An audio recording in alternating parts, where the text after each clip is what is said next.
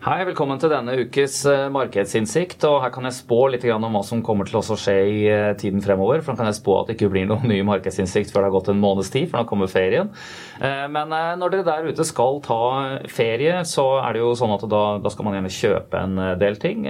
Og da handler man jo i de butikkene som man er kjent med. og Jeg har vært heldig å få med meg Gard fra analyseteamet her i, i dag. Du, du dekker jo en del av disse retail-selskapene, og det er jo kanskje blant blant de selskapene på Oslo Børs som eh, mange der ute på gata egentlig har et forhold til, fordi at de, de, faktisk handler eh, i de, de handler produktene deres eh, hver eneste dag. Her er det snakk om, og vi skal ta en liten kikk på, liksom Kid, Europris, XXL og Orkla. Orkla er jo ikke en butikk, men liksom det har jo alle de produktene som du ser i dagligvarehandelen. Her er det Zalo og oppvaskbørster og tannkrem og, og, og diverse. Det er riktig. Så, og, og, dette her er jo også en sektor som er stor internasjonalt. Ja. Uh, og hvor det skjer masse spennende ting i disse dager. Det er, det er snakk om dette her, The Death of Retail skrives det mye om. Googler man det, så ser man mye, mye artikler på nettet. Men uh, med et skifte til online, ikke sant, og at det skjer endringer bakover i, i nærings- og forsyningskjeden, også til, til, selskapene, og da hele veien ut til for, forbrukeren. Og dette rammer jo litt i, i vekslende grad, disse selskapene. Ja. Så vi skal ta en liten kikk på, på, det, fordi vi har jo da analysedekning på alt dette her. Jeg vil bare avslutte, før, avslutte introen må også si, som jeg vanligvis sier, at dette her blir publisert både som video og som, som lyd. Og for de som vil følge oss eh, videre, da vil man da kunne, kunne se oppdateringer fra analyseteamet selvfølgelig daglig inne på våre nettsider. Og ellers så kommer jeg også i ferien til å være aktiv på, på Twitter og Facebook litt, sånn at man følger Pareto eller meg på det, så vil man få litt oppdateringer underveis. Men la oss hoppe inn og ta en liten kikk, for vi har en presentasjon her. Norwegian Retail, strong start to the year. Uh, will it last? Det er jo det mange spør seg. fordi det de har til felles, disse aksjene her, det er jo faktisk at de har gjort det nesten dobbelt så bra som uh, hovedindeksen uh, så langt i, i, år. Du har vel en slide på det her? Ja. Nei, så langt i år så, så har de gjort det, gjort det, veldig godt. Jeg ser en indeksert graf på det til, til høyre her. Og selvfølgelig med litt uh, varierende utslag, men, uh, men, mye av det kommer jo som et resultat av at fjoråret var veldig svakt. så man har fått kanskje litt fornyet tro på det i år. Og som du var inne på, så, så ser vi jo at denne kaller retail-apokalypsen, som mange har spådd, mm. kanskje ikke treffer disse selskapene like hardt som man, som man, kanskje tror, da, som man har lest om i, i internasjonale medier. Nei, det stemmer. Og, og, det er jo faktisk også sånn at det internasjonalt altså Ser man på, på USA, da, så har jo tilsvarende sektorer også gått sterkt der borte. Det er jo opp litt mer enn markedet, opp liksom en sånn 17-20% om man ser på consumer staples, consumer durables som man ser på, som, som er eh, innenfor det, det, det er litt beslekta type selskaper, men eh, det er mye rart i indeksen der, bl.a. Amazon, ikke sant, som jo nettopp er en av de store som nå kanskje er ute etter å, å, å ramme en del. men men det er kanskje mer innenfor elektronikk og en del av de der, der ja. at, man, at, man, ser store problemer. Men, ja.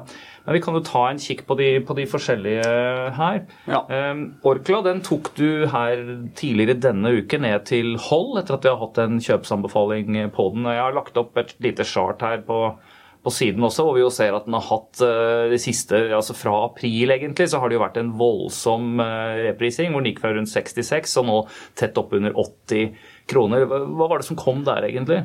Nei, uh, Som du begynte å peke litt på, så har jo de aksjene internasjonalt, både store merkevareselskaper både i Europa og i USA, har hatt en veldig fin utvikling i, i sine aksjekurser. og vi syns det har vært litt ufortjent at Orkla har hengt eh, bak der, så det er kanskje en kombinasjon av det. Eh, men også eh, at de på kvartalspresentasjonen sin for Q1 mm. kunne vise til en bedring i, i marginer. Likevel så Med det bildet vi ser nå, så, så tror vi fortsatt på at man må se en, en lenger. De må, de må kunne Mm. gi denne marginen og vekstforbedringen sin. Ja, for du har jo på, på det chartet ditt her til, til venstre, så har Ja. du jo de- Dette er på en måte de to tingene som, som investorer er veldig opptatt av på Orkla. Det ene er jo liksom hvor mye er den organiske veksten. fordi organisk det betyr jo her det som ikke skyldes oppkjøp og sånn, ikke sant? Altså, men hvor mye av samme type produkter kjøper eh, kundene år, år over år. Og den har dippa altså her, så du i 4Q18, under null. Altså negativ vekst, ikke sant. Mindre oppvask, mindre Zalo eh, og, Ja. eh, enn i fjor. Ja, nei, så det, De trendene vi ser i, eh, der hvor Orkla er mest eksponert, er jo at man ser et, et skifte i, i preferanser hos, hos konsumentene. Vi spiser mer sunn mat. Det er et mye større fokus på, på veganske og vegetarianske varer. Hvor Orkla kanskje ikke har vært like godt posisjonert tidligere. Men de har tatt store grep på dette nå. Men det er en såpass stor organisasjon, så tar det jo selvfølgelig tid å, å, å, å, å snu. Eh, Samtidig så ser man også at, at flere og flere spiser mat ute. Det har blitt enklere å, å bestille mat gjennom leveringstjenester direkte fra restauranter, sånn at den, eh, det man kaller for out of home, eh, har blitt et veldig stort eh, eh, segment uh, innenfor altså, matva matvanene til eh, oss både nordmenn, men også internasjonalt. og Det, det får Orkla, Orkla merke litt. og Derfor så har den organiske veksten vært eh, avtagende.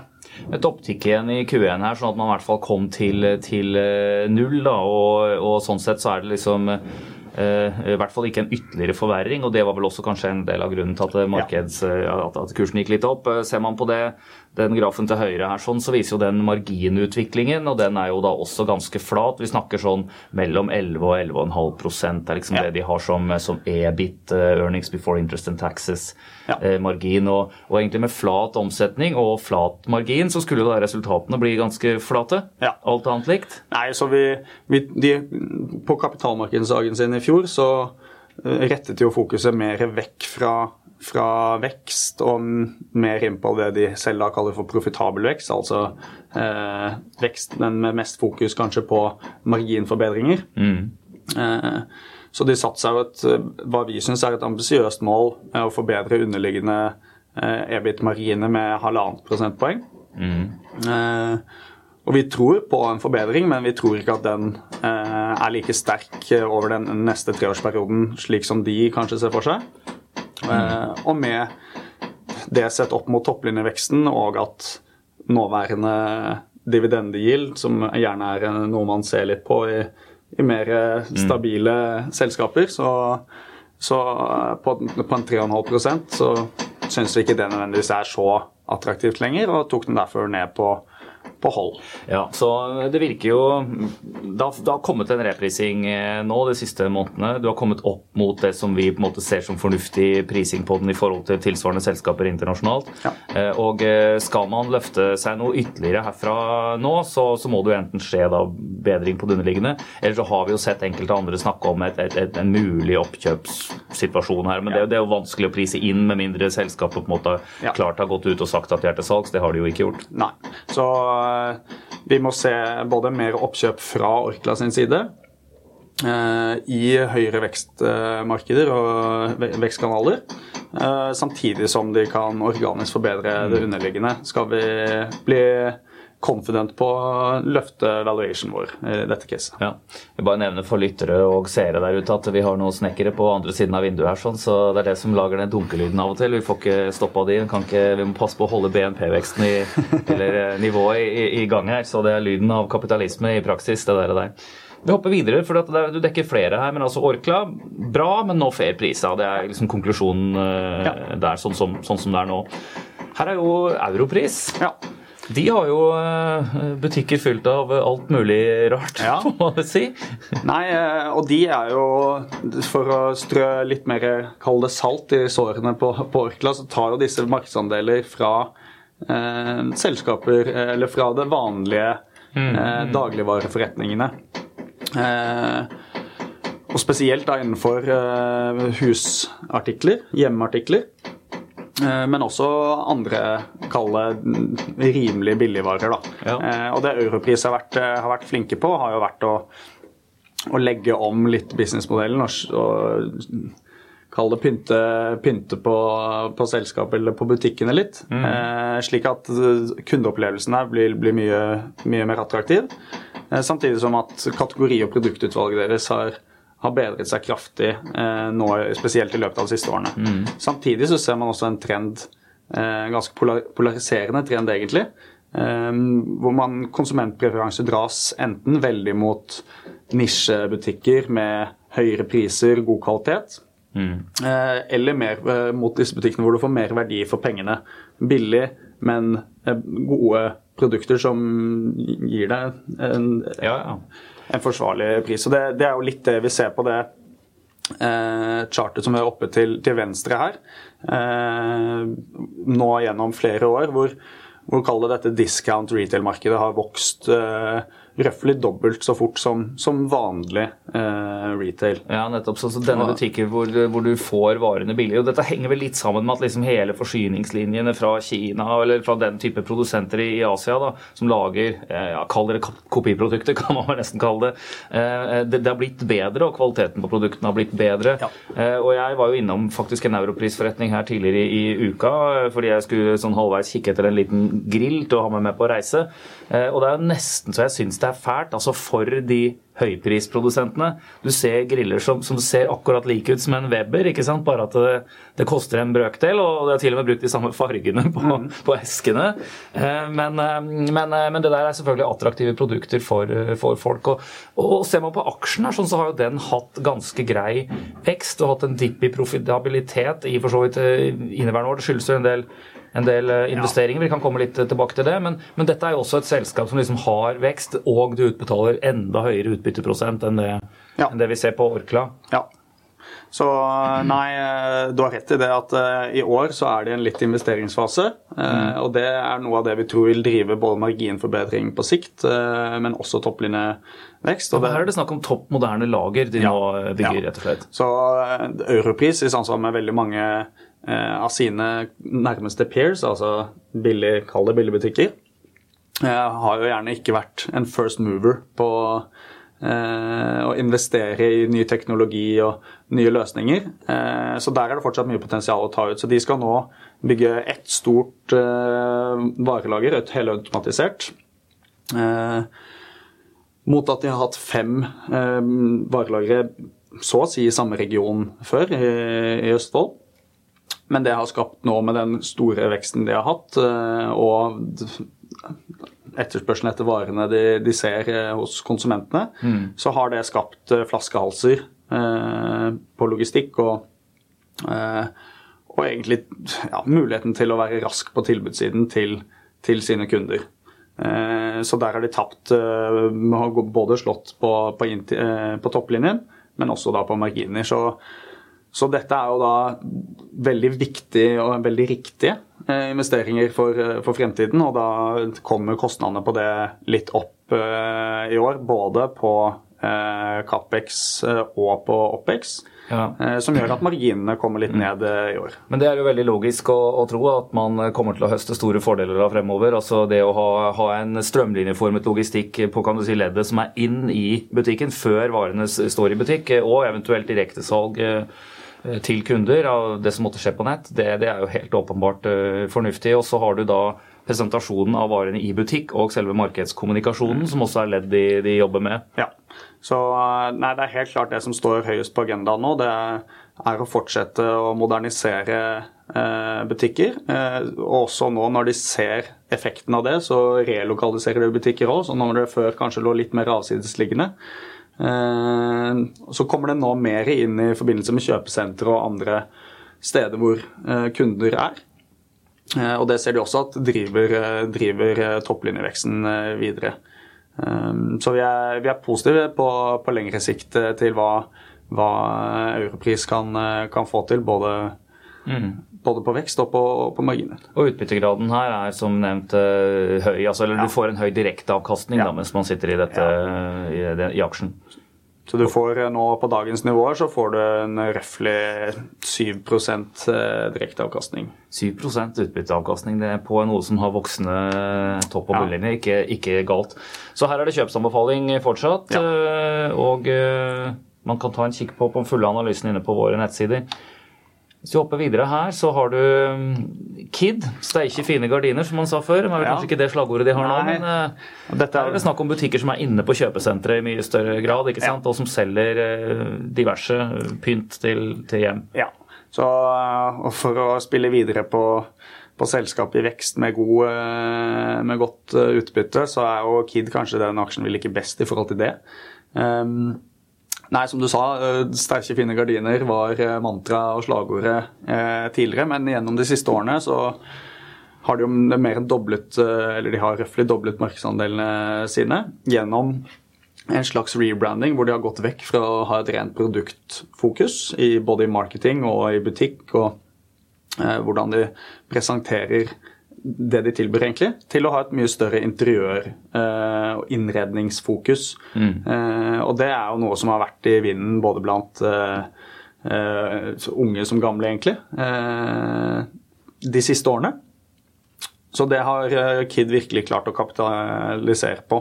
Og selv om nå butikkveksten ikke er så god, så viser de konsistens i å slå markedets eh, vekst, så de vokser mer enn markedet eh, år etter år. Og samtidig som de nå, for å krydre det litt, syns vi, vokser gjennom et oppkjøp av en relativt lik setup, Hemtex i, Sverige. Mm. Tidligere eid av Kjent navn der borte, det. Mm, mm. Tidligere eid av, av ICA-gruppen, som da hadde Hemtex som sitt siste non-core Eh, business-segment. Eh, så prisingen var hyggelig, hyggelig for, eh, for, Kid. Og med det retail, kaller craftmanshipet mm. Kid sitter med, så, så, tror vi at de skal klare å snu profitabiliteten der rundt. De tjener penger, men ikke på de samme nivåene som, som Kid gjør i dag. Og de har også da, pga. den gode Eh, prisen de fikk eh, på det, og eh, egentlig lave investeringer som trenger og, trengs for å, for å, få til det her. Det er mm. småting. Retail er detail. Ja, ja. Så vil de kunne opprettholde en høy utbyttegrad. da. Ja, for Utbyttegraden her er jo enda eller altså Nivået da kan du si i forhold til, til kursen, den direkteavkastningen er enda høyere enn det vi så på, på europris. Ja. Det, det, er nesten så man ikke tror det er sant. Og I tillegg så er den utbetalelsen halvårlig. Ja, ikke sant? Så Her snakker vi om utbytte 8-9 eh, og det på, en, eh, på, et resultat som eh, både har historisk og i estimatene dine er, er noe voksende fremover. her, ja. ikke sant? Og Dette er jo ikke veldig kapitalintensiv in, industri heller. Nei. Så dette her ser jo egentlig ganske greit ut. Hvordan, hvordan er disse i forhold til online handel og, og, og det temaet der? Ja, nei, Av de vi dekker, så vil jeg nok si at Europris er nok enda mer skjermet eh, med de prispunktene og, og, den type produkter de tilbyr, enn selskaper sånn som, eh, sånn som eh, Kid. Kid selv har en online-andel av sitt salg på en 5-6 eh, Hemtex som de kjøper opp, har bedre online, et bedre online offering. Så konkurransen internasjonalt på, på, det her vil nok treffe før enn jeg tror det vil gjøre på Europris det å kunne kjøpe puter og dyner og putevarer og gardiner og det ene og det mm. andre på, på nett, det, det, tror jeg folk er ganske villige til å synes er greit. Eh, det Kid løser det fint med da, er jo å tilby en veldig veldig god kundeopplevelse i, i butikk, og kommer også med smarte eh, løsninger som kun tilbys eh, online. Slik at du basically må innom Kid for å, mm. for å treffe ulike deler av, av hva de selger. Så så det er klart at det er, det er ingenting i retail er skjermet for, for eh, konkurranse, men eh, vi, vi, ser ikke på det som noen stor trussel, i hvert fall ikke her i Norden helt, helt enda. Så det Death of Retail er ikke, er ikke, der helt på plass, og du har fire aksjer i dette spacet. The Four Horsemen of the Apocalypse, er det ikke det man eh, kaller det? Så vi får gå til den fjerde, da, som jo har hatt en reise bak seg som som jo har vært litt uh, troublesome, for å si det sånn, gjennom fjoråret. Men dette er også en aksje som faktisk i år er opp en 15% eller noe sånt i forhold til nivået ved, ved årsskiftet. Dobbelt av børsen. Ja. Også her, men, eh, men, ser man tilbake litt, så, så, var det jo høyere kurser og en litt annen, annen story. XXL, altså hva er det som har spilt seg ut her, hvis du liksom skal gi kort ja. forklaring det siste uh, året og vel så det, liksom? Ja, nei, fjoråret, som du påpeker, var jo et veldig dårlig år. Både kursmessig, som da nødvendigvis fulgte hvordan de leverte på resultatene sine falt, eh, marginene falt med 40% og man hadde en, eh, en negativ like-for-like-vekst. Eh, primært så handlet det om hva som skjedde i andre halvår i fjor. Mm. Jeg husker jo tilbake med det flotte sommerværet vi hadde i Norge, og som de også hadde, hadde i Sverige. Eh, som kom veldig tidlig i, i fjor. Det gjorde nok til at eh, XXL ikke hadde det vareutvalget de trengte på den tiden. De hadde ikke de sommervarene eh, på riktig tid. Uh, og når de da dro på med, med mer markedsføring og fikk inn mer varer, så var egentlig folk ferdighandlet. Mm. Og da satt man med en, en god del varer som, som koster mye å, å, å bære videre. Og ser det ut som de kan få solgt ullvarene sine i år, da kanskje? Så. Ja, får, nå er det jo veldig, veldig kaldt. Nei, og så, så, har det vært mye, mye bytter, endringer i ledelsen, og, eh, som har gjort at eh, styringen egentlig i hele selskapet har blitt mer desentralisert, og beslutningstakingen har skjedd lenger ned i, i hierarkiet. Noe som gjorde at man enkelte steder solgte med tap, bl.a. På, på Black Friday, som er eh, the holy grail eh, for, for retailerne. Eh, så det var mange små detaljer her og der som, som dro for og mm. imot. Og når eh, XXL egentlig skulle trykke på gassen, så måtte de holde litt i bremsen, og, og omvendt. Så det viste seg eh, egentlig å Det resulterte jo i en, en, en, profit warning her i Q4. Og da kom jo aksjen seg Fikk jo et, et skikkelig trykk, og det det fortjente det jo sånn egentlig, for sånn vi ser på, på den grafen jeg har mm. til venstre her, som viser litt eh, noen av bankvilkårene de har, ja. så, så, krever bankene at de skal ha en, eh, en netto gjeld til eh, de siste tolv måneders EBITDA som er under 3,5 ganger. Mm, mm. Eh, og i Q4 så var de fryktelig nære ved å, ved å bryte den. Og da fikk de hevet eh, Fikk en såkalt waiver, en utsettelse, da, eh, på, på å levere på disse tallene igjen. Ja. Og det XXL er jo sesong, så varer de ikke fikk solgt, det, det, må man nesten bære med seg til neste sesong. Og mm. selvfølgelig planlegge ja. Optimalisere innkjøpsstrategien rundt dette neste år, men det, det ser vi effekten av gjennom vil være med dem gjennom 2019. For å oversette litt til de der ute, så, så er det altså hvis du bryter et sånt uh, en sånn uh, nivå satt av banken, så betyr det jo ofte at man i praksis må hente inn mer egenkapital, altså en, ja. en utvannende emisjon da, ikke sant, ja. på, på, lave kurser. Ja. Uh, det er jo det man har sett i Norwegian og liksom den type cases i, tiden litt bak oss. at Eh, og, eh, og, eh, gjør man ikke det, så får man et problem med, med gjelda, og det er jo liksom ja, konkurs, da, kan man si, ja. i bunn og grunn. Men det, nå går det, jo, går det jo sjelden dit, men, men, man begynner å støte mot begrensninger hvor man rett og slett balansemessig er nødt til å gjøre noe med. Men nå, nå gikk de klar av det i det ja. tilfellet her, og, og hvordan ser det ut nå? Nå ser det litt bedre ut, rett og slett? Ja, altså De fikk jo en utsettelse Eh, som sagt, eh, på, på, disse gjeldskravene. Og som du påpeker, det er jo denne frykten for å uh, gjøre en emisjon som har tynget kursen veldig i, i det siste.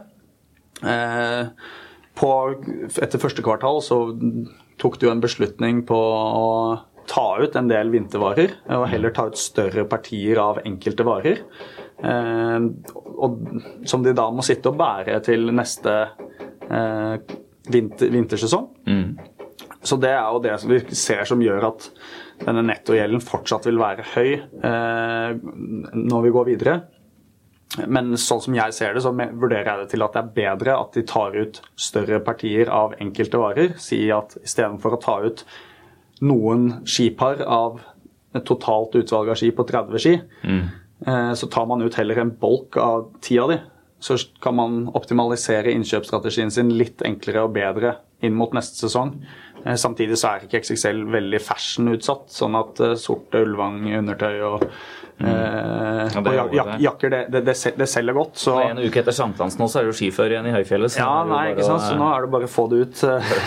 få solgt skiene. Ja. Men, nei, nei, men ok, her, her det, Dette er jo også et av de selskapene som, som kanskje har den iallfall oppfattes det eksternt, den største satsinga på online og hybridmodellsalg. Ja. Altså du kan bestille på nett, plukke opp i butikk. Ja. Eh, og dette her er jo ting som, som testa selv. Kona gjør det, og liksom det, det, det folk, folk, liker det rett og slett fordi at du, du føler at du, er, du, slipper å dra til en butikk, og så har de ikke det du eh, skal ha. og Selv om det liksom tilsynelatende skulle være tilgjengelig, og det, det øker litt sikkerheten på ja. det der og der. Og der har jo XXL vært vært flinke, sånn som jeg oppfatter det. i hvert fall. Og Det er jo mye av derfor vi tror på en klar bedring her. Vi mener jo at selv om online kommer, og på artikler slik som XXL selger, så er eh, konkurransen stor for rene online-aktører, så tror vi at nettopp denne omnichannel-løsningen, som man så fint kaller det på engelsk, eh, mm. altså eh, samspillet mellom fysiske butikker og online, eh, vil være det som vil være den ordentlige value-triggeren her i, i XXL, og gjøre at de de vil komme seg godt ut av, av det vi, markedet vi ser nå. De ser jo, vi ser jo konkurrentene eh, i de nordiske markedene til XXL taper jo penger. Eh, mye dårligere marginer og, og, lavere vekst og må stenge ned butikker i en uh, rykende svart. Så, så Nei, vi, vi, vi, synes at eh, XXL har et, uh, har et godt produkt sånn sett, med den høye mm. online-andelen de har. og eh, faghandelsofferinget, eh, eller tilbudet, i eh, butikk. Men Noen ord om den internasjonale satsingen og ambisjonene der ja. til slutt på XXL. Det har jo vært eh, med varierende suksess, kan man si. Man har jo hatt en Norden-ekspansjon, og så var det da dette nede i Alpene. Ja, Nei, så man holder jo fortsatt på der nede. Man har jo fortsatt tro på markedet Eh, både, det er jo veldig mange like trekk i den eh, som man så fint kaller DAC-regionen, altså Østerrike, Sveits og Ør-Tyskland. Mm. Eh, som har veldig, Konsumentene der er ganske like hva gjelder spending og konsumpreferanser og type produkter vi, vi kjøper, som oss nordmenn og oss ellers i Norden. Det man kanskje bommet litt på, var Eh, produktutvalget i form av eh, merkevaregjenkjenning man hadde stolte for mye på at det som funket veldig godt i Norge og Sverige og, i Finland, var det som også skulle funke av typen identiske produkter nesten i, i, eh, i DAC-regionen. Mm. Så det er litt sånn som det, Lidl det ja. prøvde å etablere seg i Norge. Ja, rett og slett. Det, altså, de solgte sitt tyske ja. vareutvalg, og det var ingen som kjente de produktene. Sam, samtidig, samtidig, også så var man kanskje blitt litt for komfortabel med at folk, både ansatte og kunder, skulle bare kjøpe, kjøpe prosjektet eller kjøpe konseptet med en gang. Fra filmen 'Field of Dreams' 'If we build it, they will come'. Ja. Men det var ikke Nei, det stemmet, stemte ikke helt med en gang. Men, men, eh, jeg tror jo at de virkelig kan få det til der nede med et par modifikasjoner. Og nå når eh, de har fått en enda sterkere eier med Altor, som har kjøpt seg opp til 12% og får en mann i styret òg, med mm. godt nettverk eh, på, spesielt på leverandørsiden både i Norden, men også internasjonalt, så, så tror vi de er godt skodd for veien videre. Bra. Og apropos godt skodd, så får vi ta noe om noen eh, online skobutikker senere. Vi har noen eh, svenske analytikere som følger Zalando og de der, så det, man finner analyse på det også på, på nettsidene våre. Men jeg vil si tusen takk til eh, Gard. Dere kan lese alle analysene på disse selskapene og få de jevnlige oppdateringene ved å følge analysene på, på Pareto 6 sin nettside. Da skal jeg ta posisjon i midten her, sånn, og så skal vi gå gjennom og se på litt, eh, litt eh, aksjer og indekser eh, i siste halvdel av denne sendingen. Takk til Gard. Takk for det. Da kan du bare gå ut, egentlig. Så hopper jeg videre. Yes, takk for praten. Skal vi se. Da skal vi som vanlig Jeg har nå, skal bare ta ned disse her chartene på skjermen her. Vi har europris oppe, men den har vi da grundig omtalt. La oss hoppe her til eh, SMP 500. Som er den jeg pleier å begynne med. Det er litt sånn stortromma for, eh, for uh, markedet i verden. Uh, jeg skal hente opp et litt lengre chart her. De som fulgte meg på Twitter i går, jeg liker å kommentere litt. Grann, og hva skal en si om det her? Altså det er, nå har jeg et ukesdiagram oppe, så vi har de siste fem årene uh, her. Det jeg postet på Twitter i går, jeg kan, jeg kan ta opp det, så, så får man For det, det, kan være greit å kommentere. Hvis jeg går tilbake her, og så ser vi på det bare har meg unnskyldt litt. grann. Kom inn. Uh, det tar tid å å få dette her opp. For det, det jeg kommenterte, var rett og slett at nå var det fælt, da. Sånn. Skal vi finne det chartet. Eh, det var her. Ja, dette her er, eh, For de som ikke ser det der ute, så er dette her et månedsdiagram. Jeg går tilbake 12-13 år, så man får med seg eh, nivået på SMP 500 forut for finanskrisen og den nedturen som da var på, i markedet. Og vi kan si når jeg har skrevet en del om investeringsstrategier for fond, bl.a., og det er kanskje det mest aktuelle for mange av dere der ute. Vi kommer til å skrive mye mer om dette her fremover, lage det mer detaljert videoinnhold. Vi driver og bygger om fondssenteret nå, så det skal bli Målet er jo å lage ja, Norge eller verdens beste eh, fondssenter. Og heldigvis, får man nesten si, så står jo ikke konkurrentene stille her heller. Sånn at eh, det som har vært der ute, eh, blir bedre fra andre også. Vi må på en måte trå på litt for oss å kunne lage noe som er, er spennende for de, de fleste her. men men i relasjon til dette chartet så går det jo litt på dette med market timing. ikke sant? Og Det betyr jo ikke nødvendigvis å prøve å treffe alle topper og bunner, men å prøve å unngå å være med ned når du har de store neddragene i markedet. Eh, og Den blå linja her sånn i chartet det viser jo da 200 dagers glidende gjennomsnitt. Eh, selv om når dette er på et månedschart, så er det da ca. ti måneders glidende gjennomsnitt. Eh, og det viser da de periodene hvor da det har stort sett trendet oppover. At et eh, sånt snitt trender oppover, betyr jo at børsen er i normalmodus og stiger med den verdiskapning og verdibygging som, som skjer i de underliggende selskapene. Eh, og Eh, når du da har perioder hvor det ligger sidelengs, så er det da en, en flatutvikling, og så er det da de periodene hvor det faller ned. Dette her er et chart med logaritmisk skala, så det vises ikke den dramatikken som det egentlig er. Men altså ting har jo halvert seg her da, ikke sant, i, i, i 2008 eh, og inn i 9. Og det, det, er jo eh, Kan man klare å unngå noe av det, i hvert fall, så er jo det hyggelig og trivelig, syns de, de fleste. Eh, men sånn som det er nå, så, så, hvis vi ser litt på disse linjene her, sånn, så gikk jo den da betydelig opp fra utbygning i 2009 fram til den perioden 2015-2016 hvor den var flattish. Eh, hadde vi sett på det i et kortere diagram, så hadde den vært litt ned. Eh, og Vi skal ta det her etterpå, forresten. Og, og, og, så er det ny oppgang. egentlig Når Trump ble valgt inn her sånn i 2016, så har det vært et, et nytt drag oppover opp til det nivået vi nå er på, hvor, hvor 200 dagers glidende snitt igjen har vært eh, ganske flatt. Eh, og Det det henger sammen med der, ganske enkelt, er jo, er jo inntjeningen i bedriftene. Eh, det vi så i 15-16 var jo en såkalt earnings recession, hvor da, hvor da inntjeningen år over år var noe ned.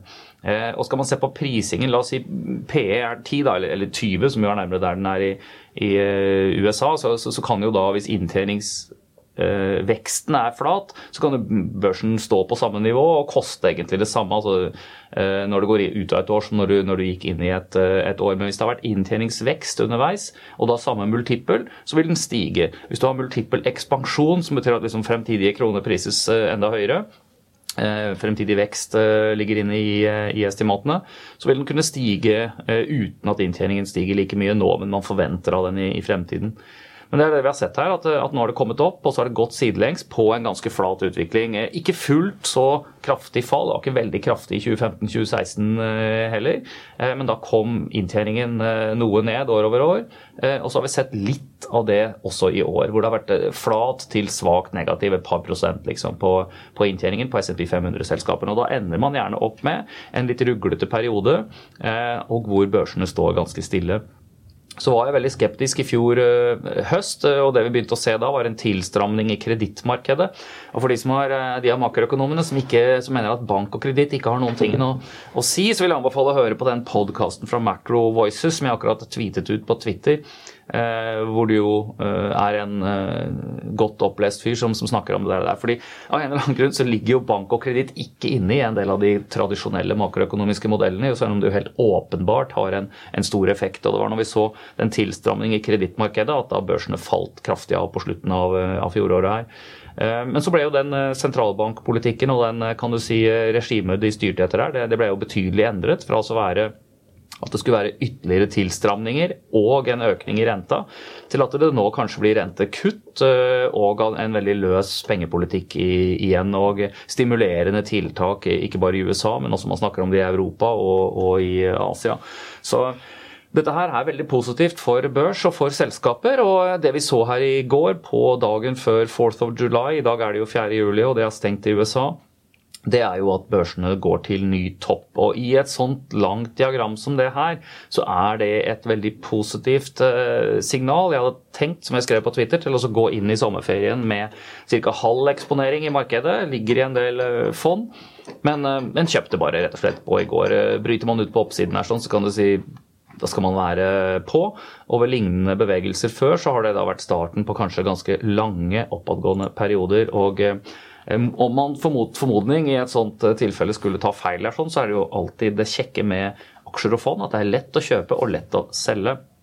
Så ser vi på SMP 500 her sånn, så har det jo vært et betydelig drag. Nå har jeg hoppet inn på et ukesdiagram igjen, ikke sant? og da ser vi jo denne siste eh, perioden. Her er eh, Fargene er de samme, så den blå her er da 200 dagers glidende gjennomsnitt, ganske flat. På den negative siden, sånn tradingteknisk, så kan man ta og trekke noen linjer fra nivået der det handles nå, og ned til 200 dagers glidende gjennomsnitt. Det gjorde jeg det ved en tidligere topp her. Og se at Hvis vi legger det oppå her sånn nå, så, så, så, begge de to siste toppene vi er like høyt over 200 dagers glidende snitt nå som vi var når det snudde da. Så vi får se. Nå lukter snart SMP 500 på 3000 poeng her, men den brøt da opp gjennom forrige topp. Jeg kjøpte i går, så eh, jeg pleier å prøve å kjøpe fordi jeg tror det skal opp. så får man se. Det er, det er, ingenting som er helt gitt i markedet, men du kan si det er en logikk i dette. her. Sånn. Det, det, det, ser noe bedre ut nå. Det ser ut som det kan bli en, en løsning av et eller annet slag på denne handelskonflikten. eller jeg tror nok det vil være et tema som kommer til å være diskutert i lang tid fremover. Men, men, at det ikke blir verre, men at det kanskje blir litt bedre, i hvert fall. Den stemningen der eh, går i den retningen. Det gjør at eh, at eh, bedrifter får tilbake noe mer optimisme igjen, og at du lettere kan begynne å planlegge i verdikjeden og en del sånne ting. Så det er, så det er reelle ting som skjer bak her. Men eh, rent charterteknisk, og det er, skal jeg innrømme, det viktigste for meg, jeg ser hva det børsene gjør, og så prøver man å, å, å se om man kan finne logikken bak det etterpå. Rent chartteknisk er dette her veldig positivt. Et brudd opp gjennom tidligere topp. Først så hadde vi en, eh, en test av det nivået, så ned igjen til 200 dagers glidende snitt, så opp igjen og konsolidere et par uker og så bullish gap up. Det her er eh, bull. Eh, det er ingenting annet å si om det, egentlig. Eh, så skal vi gå inn på et litt kortere chart her. sånn. Her ser man i grunnen det samme. Jeg skal ikke kommentere det ytterligere. Bare for de som er lesere seere der ute, så er det da de samme fargene her. sånn. Da er det 200 dagers, 100 dagers, 50 dagers og 10 og 20 dagers glidende gjennomsnitt som jeg ser på på standard chartoppsett her. Sånn, eh, det programmet jeg bruker her, er Infront Active Trader. Det er et program som eh, vi har tilgjengelig i utvalget vårt, eh, men som stort sett det brukes av meglere, brukes av de som trader på fulltid. Enkelte analytikere bruker dette. Det kan få alle mulige slags former for, for feed inn i det, ettersom hva man er interessert i. Men i den standardpakken så, inkluderer det jo da feed fra, fra de markedene vi tilbyr handel i, som jo er i Europa og, og Nord-Amerika og Norden.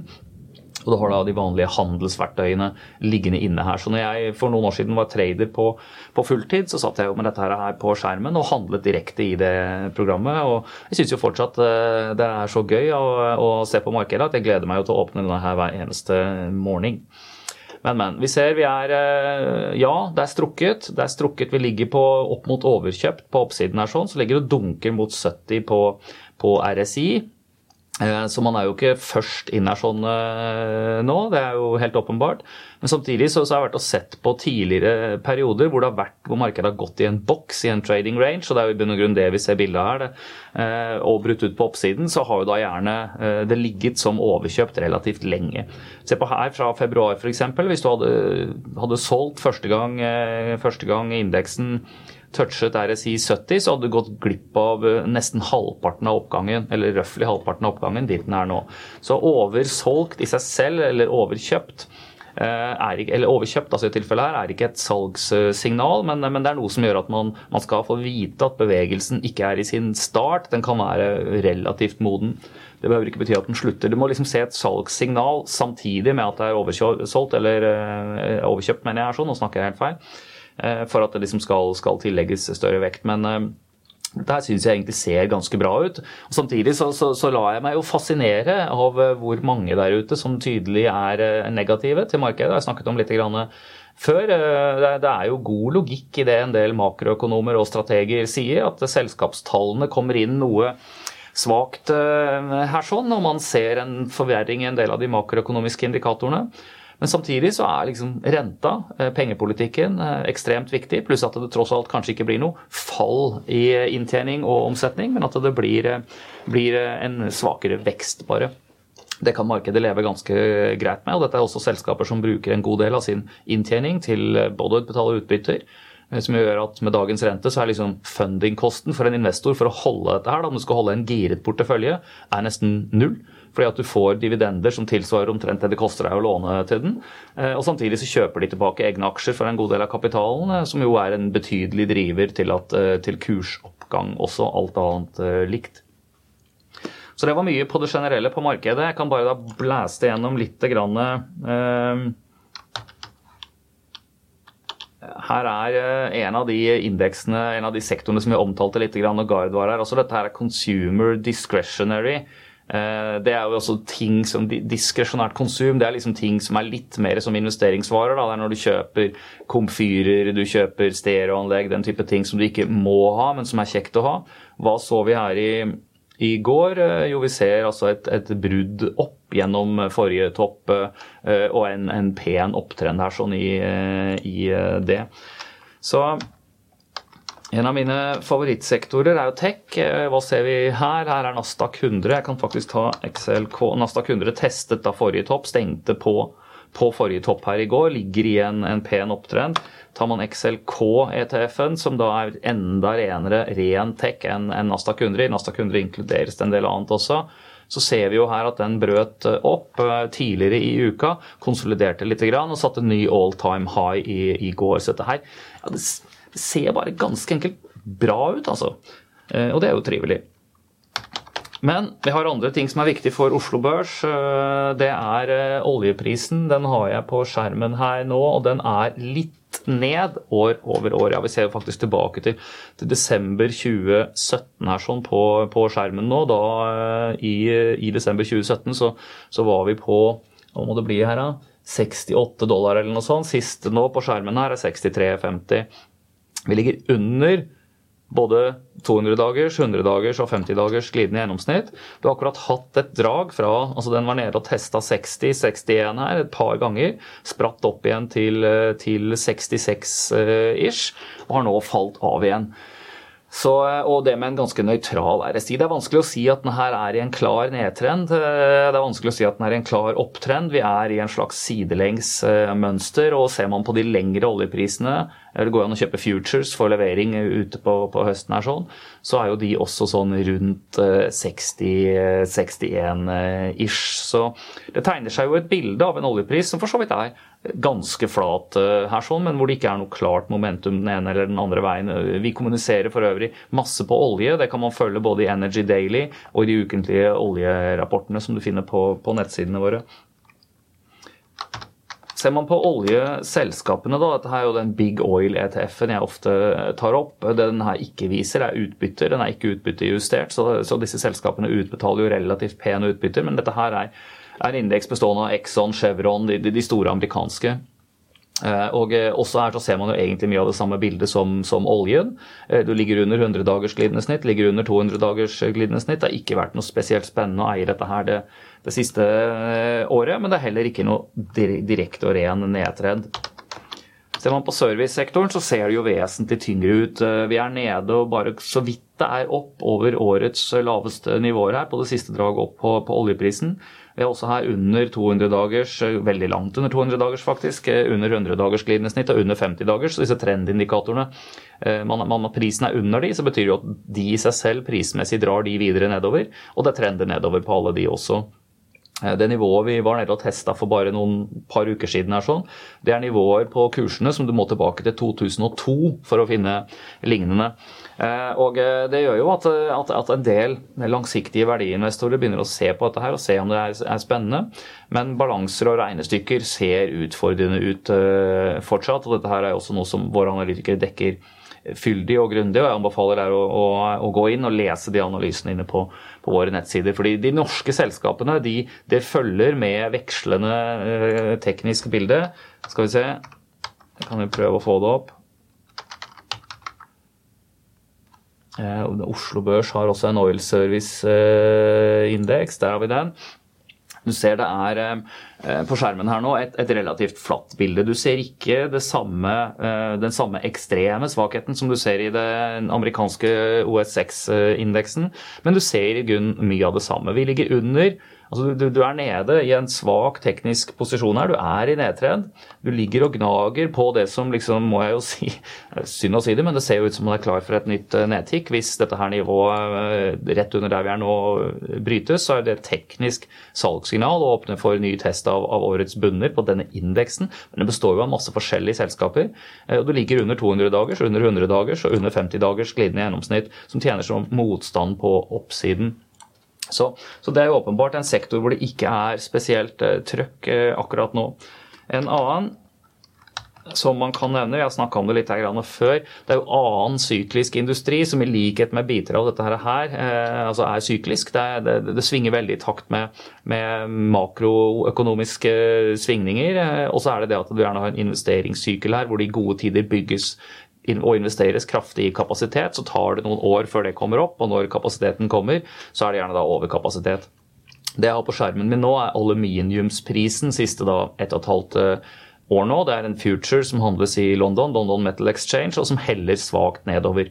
Også den trender jo da nedover. 200 dagers, 100 dagers, 50 dagers glidende snitt ligger på oversiden av der prisen er nå. Men prisen har ligget her sånn rundt 1800 Eh, dollar tonnet eh, i, eh, i, en par måneder nå, egentlig siden, siden, april. Så vi får se om det er et nivå hvor du kan begynne å stable på beina en, en utbunding, og at det skal begynne å bryte på oppsiden her. I så fall så må man Det er jo det scenarioet som, som våre analytikere har her, at det skal bli et noe strammere aluminiums marked, fordi at produsenter ikke liker å produsere med, med tap, og en del, de, en del, av den produksjonen som ligger rundt omkring i verden, er nå der. Men da kan man jo teknisk følge med sånn timingmessig på når du eventuelt bryter f.eks. 50 dagers glidende snitt eh, her sånn, eller 100 dagers, for, for det har det vært fint lite av bakover. Det har vært et lite falskt brudd her tilbake i, i, mars. Men når man får det, så er jo dette her aksjer som er veldig interessante å plukke. Eh, før jeg hopper ut fra USA her sånn, så kan jeg jo ta Alcoa, ikke sant, som er en av Hydros konkurrenter. Jeg kommer til Hydro straks, hvor du jo ser kursen gå fra 55 dollar til 22-23 dollar er sånn, eh, over det siste ett og et halvt år. Og um, dette her er litt interessant å trekke opp. Jeg trekker det opp som et eksempel. Nå har jeg Hydro på skjermen her sånn, gått fra 60 til 30. 50% ned. Litt utbygginger underveis, men, men, likevel.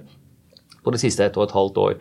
Og hva er det vi ser? Jo, vi ser en nedtrend i aluminiumsprisen, og det har ført til en nedtrend i eh, aluminiumsprodusentene. Det er faktisk eh, så enkelt. Eh, og, eh, og, eh, Det er derfor man må, man må ha det i bakhodet når man, når man, følger med på dette fremover. Dette er gode selskaper, solide, alle de tingene der. Men, men, men syklisk industri av denne typen, det, det, er det hyggeligere å eie når det er litt tilstramming i markedet og oppsykkel på det. Så, så, dette er jo noe av det som liksom altså si, Vårt store innslag av oljeselskaper, som liksom er flattish til litt ned. Oil service, som er eh, tungt, og en del syklisk industri, som er eh, tungt. Det gjør jo at Oslo Børs har vært ganske eh, tung nå. Ser man på andre sektorer, som f.eks. Telekom så, eller finans Finans har vært greit internasjonalt. Telekom har vært ganske sterkt. Så når man ser da svære selskaper på Oslo Børs, som, som Telenor her, som jo har hatt en veldig pen utvikling, gått fra 150 til 180 grei reise siste, siste, siden oktober i, i fjor, men, men, er ikke så fryktelig mye opp år over året. Egentlig i forhold til, til desember 2017 her. Jeg har tatt opp et litt lengre chart enn vanlig, litt mer enn en et år. Så, så, er jo det ting som, som, er bra. Man kan finne grunner til det når du ser på det selskapet isolert sett, men det er også mye en sektorbevegelse. Ta gjensidige her også. Vi har en Holland-befaling på den, men du kan jo se, altså, se, se hvordan den har reist seg. Har gått fra altså 130 til, til, 170 her sånn i løpet av relativt uh, kort tid, også siden, siden, november i fjor. Men det også er da liksom ting som, som ikke, ikke, man bare ser på, på dette selskapet, selv om dette er veldig norskt orientert, men du også kan se i noe sektor uh, internasjonalt. Uh, Tech-sektor og den type ting er ikke veldig stort på, på Oslo Børs, og retail har vi jo snakket grundig om skal ta litt om et par andre indekser først, eh, før vi slutter her sånn. Eh, det er eh, Dachsen, Deutsche Aksjeindeks.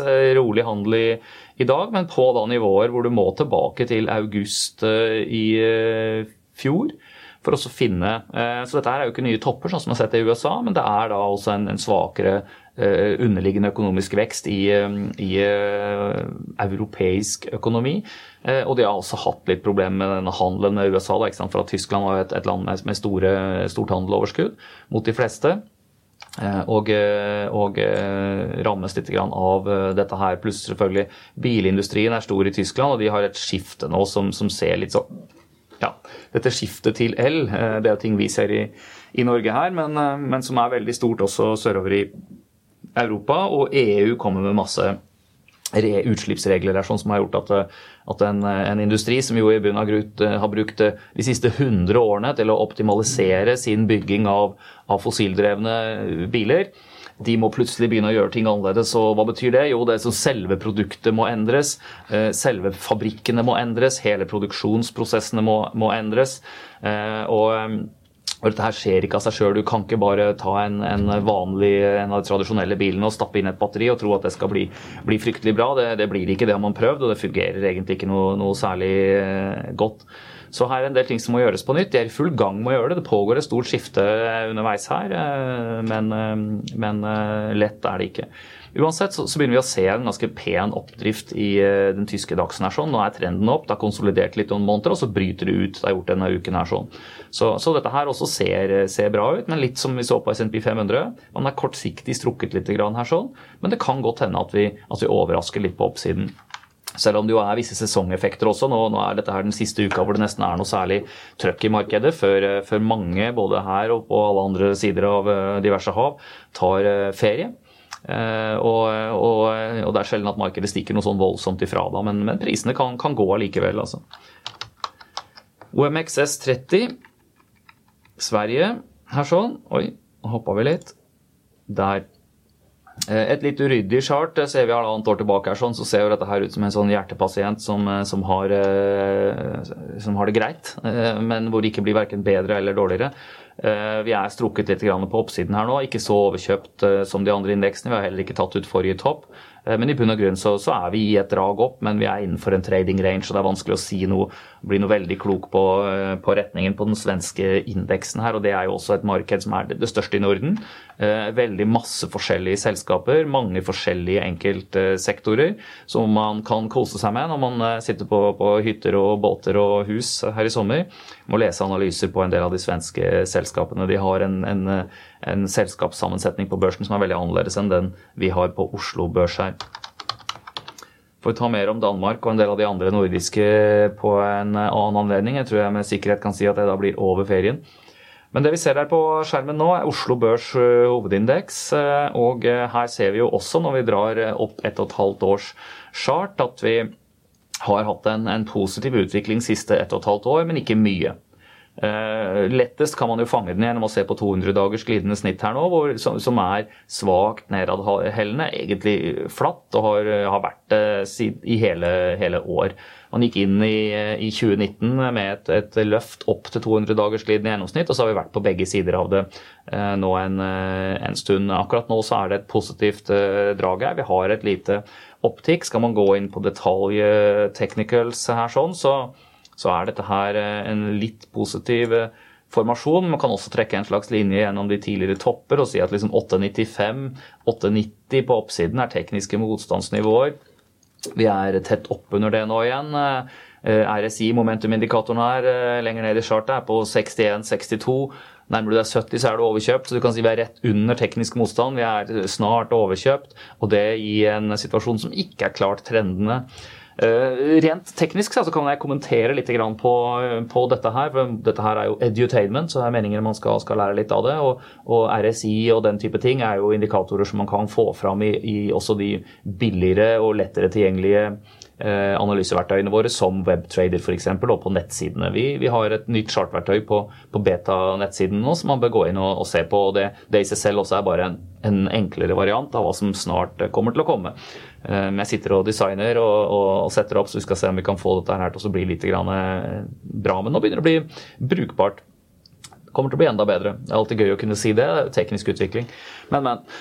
Eh, det var en, en digresjon på digresjonen her, men det som er poenget mitt med indikatorer som RSI, Relative Strength Index, er at den fungerer godt i sidelengs markeder. Eh, da kan du i en trading range, sånn som vi eksempelvis ser her, ta exit, eller iallfall holde ekstremt tette stopper på long-posisjoner. Uh, I uh, perioder hvor du tester tidligere topper, tester tekniske motstandsnivåer, og hvor, hvor RSI, momentumindikatoren, da svinger over til overkjøpt. Tilsvarende kan du gjøre akkurat det motsatte ved tidligere bunner. ikke sant? Altså Anta at bunner uh, holder, og gjøre kjøp når da den indikatoren er på eller nær oversolgt, og du ser en vending i de enda kortere chartene som man kunne sett hvis man gikk inn på, på det her i trendende markeder, hvor det da er lengre perioder med drag opp, sånn som vi da har sett på eh, noen av de sektorene vi kikket på i USA, selv om bildet ikke er krystallklart der. Jeg kunne valgt andre perioder her, og så hadde man sett et tydeligere bilde. Eh, da kan en slik indikator ligge som overkjøpt eh, lenge i opptrender og oversolgt lenge i nedtrender. Så, så, det er ikke i seg selv en indikator for det, men for trading range-markeder, som jo er noe man ofte ser i aksjer, så kan det være et verktøy til å finne gode trades setups. Så vi får se om vi får en breakout på oppsiden her for uh, Oslo Børs. Du kan si Det som trekker litt ned, er jo uh, olje, energi, syklisk industri. Uh, en annen veldig stor sektor på Oslo Børs er jo laks og fisk og akvakultur. Der er det Nå har jeg dratt opp charter på Marine, på Movie her sånn. Marine Harvest, sier. Jeg husker jo den gangen det het Panfish også. Um, dette er jo en opptrend. Det vi ser på på, på Movi her nå, og her, dette er jo også et selskap som har betalt ut ganske pene utbytter uh, underveis. Uh, dette her er en klassisk opptrend altså med sine sving ned. altså Du ser en, et drag opp, ny topp, en konsolidering som henter tilbake røftlig 50% eller 60% eller noe sånt av det foregående draget. Nytt løft til ny topp. Ny konsolidering som henter tilbake 50-60% Nytt løft opp til ny topp en konsolidering som i tilfelle her tok oss ned til 50 og 100 dagers glidende snitt. Og eh, det, litt, det rykket vi nå ser, inneværende rykk. Og, og nå handles vi på, på 210-214. Det vil ikke overraske meg om vi skal se en ny topp her sånn uh, denne sommeren. Uh, merk at volumet er relativt lavt i denne aksjen her sånn i forhold til hva det pleier å, å være og hva vi så på forrige topp. og det, Vi går jo inn i et stillere sommermarked. Men, men det generelle bildet på på Movi her, og som jo er et godt bilde på hele fiskesektoren, at det er jo en av de sektorene som, som bidrar positivt på Oslo Børs. Eh, god verdiskapning, gode utbytter, eh, et greit vekstcase i de fleste i de fleste selskaper. Så når man ser på chartene, så må man ikke glemme hva det er et bilde av. Det er et bilde av den underliggende utviklingen i, eh, i enkeltselskaper. Det er et bilde av den generelle utviklingen i sektorer. Eh, og det influeres, eh, påvirkes betydelig av, eh, av, makroøkonomiske forhold, som er liksom generelle veksten i økonomien, men også renter, ikke sant, som er finansieringskost, den type ting. Generell risikovilje blant, blant investorer, etc., etc., etc. Så dette er jo derfor det er spennende stoff. Det er alltid flere faktorer å forholde seg til, og, og det oppsummeres jo da i et prisbilde, et chart, på hvordan dette her utvikler seg. Så med det så, så, begynner vi å nærme oss eh, slutten her. sånn. Jeg vil bare nevne at eh, vi har fått ganske bra eh, med, eller fått veldig bra kundetilstrømning den siste tiden. Vi takker alle nye kunder som kommer til, til oss. Eh, og jeg vil også nevne at det, det, er alltid litt hassle å bytte megler. Det er nye ting å forholde seg til. Det skal overflyttes aksjer og penger og, og verdipapirer. For de som har belåning, så skal det overflyttes, og det må av og til gjennom en kredittkomité og den type ting. Så det er litt grann hassle, men, eh, men, det er jo sånn som det er når du skal bade i et fjellvann om, om sommeren. Eh, og da ikke sånn sommer som nå, hvor du må hakke et hull i isen først, men, men normalt. Det er jo at det, det er bare hoppe uti, og, og så får man det gjort. Det er deilig når du først er kommet uh, uti, og ingen angrer på det etterpå. Så Det er, eh, det er, greit. Og til de der ute som har benytta seg av det 19 ut 19-tilbudet vi har hatt. Vi har avsluttet jo det nå egentlig ved, ved inngangen til den, til den måneden her. Så så, så, er det en del som har, eh, har, registrert seg hos oss, men ikke aktivert sin konto ennå. Og, og, en forutsetning for å kunne handle til 19, ut, 19 eh, kroner i minimumskurtasje, eller 003, eh, ut hele 2019, det er jo at man må aktivere kontoen. Det vil si liksom flytte over aksjer, penger, de tingene der. Komme i gang, sånn at man har noe man kan handle på. Det ble sendt en påminnelse til alle de her i, i går på en e-post med da en frist ut, ut denne måneden til også, til også komme i gang og få aktivert kontoen sin. Så det får være oppfordringen til alle. Se og Eh, å gjøre det, så skal vi være klar til, til, høsten her sånn. Og nå skjer det en del spennende utviklingsløp eh, under her også. Vi, eh, jeg har snakket lenge, veldig lenge, har jeg følelsen av, på dette Web 2.0-prosjektet vårt, som jo 2.0 er ikke så veldig spennende. Det er en mobiltilpassing av eksisterende site, men eh, det er jo sånn at når du først har utviklere som sitter og jobber med et eller annet, så klarer man ikke helt å la være å, å legge på litt nye, spennende ting. Det gjør vi. Vi har satt på streaming av kurser f.eks. Og, og den type ting på den nye plattformen. Eh, og det jeg gleder meg til, er å kunne begynne å få en kommunikasjonsplattform her, hvor vi skal kunne begynne å legge ut en god del ting som blir for kunder, ikke tilgjengelig for alle. Da må man rett og slett være eh, kunde for å kunne få mye mer handlebart, kortsiktig materiale, men også mer kan du si, tematisk langsiktig når det gjelder bl.a. fondsporteføljer og, og, den type ting. Og Her er det spennende ting eh, der ute som jeg rett og slett har den innstillinga at hvis jeg ser produkter som burde ha vært der, noen burde ha lagd dette, så kan man se har noen gjort det. I noen tilfeller har de det. Ok, kanskje man kan, kan lære av det og, og, og, se om vi kan komme opp med noe som er like bra. Hvis ingen andre har gjort det, men man ser hvordan det kunne ha vært gjort, ja, så får vi, får vi gå først da, og, og, bygge det. Så kommer vel andre etter, og i mellomtiden så det iallfall, bør det være bra verktøy, bra ting som kundene kan dra seg nytte av. Med det som sagt så tar jeg eh, ferie og eh, ønsker alle der ute også god ferie. Jeg kommer til å være aktiv. Jeg følger markedet hver eneste dag. Kommer til å legge ut artikler jeg syns er interessante. Kommer til å sende videre innhold fra noen analyser. Eh, hovedsakelig så bruker jeg Twitter. Så følger man Pareto Sek på Twitter, følger man min konto på på Twitter, også litt på Facebook, så vil man finne av det der. der. Jeg har ikke vært så flink til å bruke Instagram, men kanskje man får sjansen til det nå i, i sommer. Og uh, ellers så, så, er det jo andre medier man, uh, ja, som, som, som, er mindre egnet. Så med det så vil jeg bare si takk for uh, første halvår. andre halvår blir også spennende, og sånn som det er nå, så avsluttes første halvår i hvert fall denne før ferien med at vi setter nye all time high i USA. Og hva kan vel være bedre enn det? God sommer.